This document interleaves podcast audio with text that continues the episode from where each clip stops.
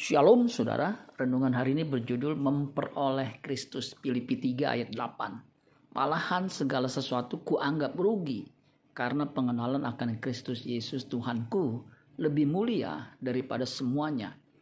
Oleh karena dialah aku telah melepaskan semuanya itu dan menganggapnya sampah supaya aku memperoleh Kristus.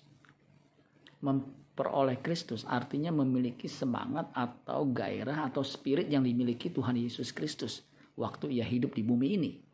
Roma 8 ayat 9. Tetapi kamu tidak hidup dalam daging melainkan dalam roh jika memang roh Allah diam di dalam kamu.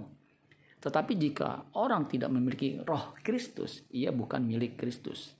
Apa itu gairahnya? Gairah Kristus hanya satu, yaitu melakukan kehendak Bapaknya. Yohanes 4 ayat 34. Kata Yesus kepada mereka, makananku ialah melakukan kehendak dia yang mengutus aku dan menyelesaikan pekerjaannya. Hanya orang yang rela melepaskan dirinya dari segala miliknya yang bisa menjadi muridnya. Murid artinya bersedia diubah, bersedia dibentuk karakternya agar kodrat manusianya berubah menjadi kodrat ilahi.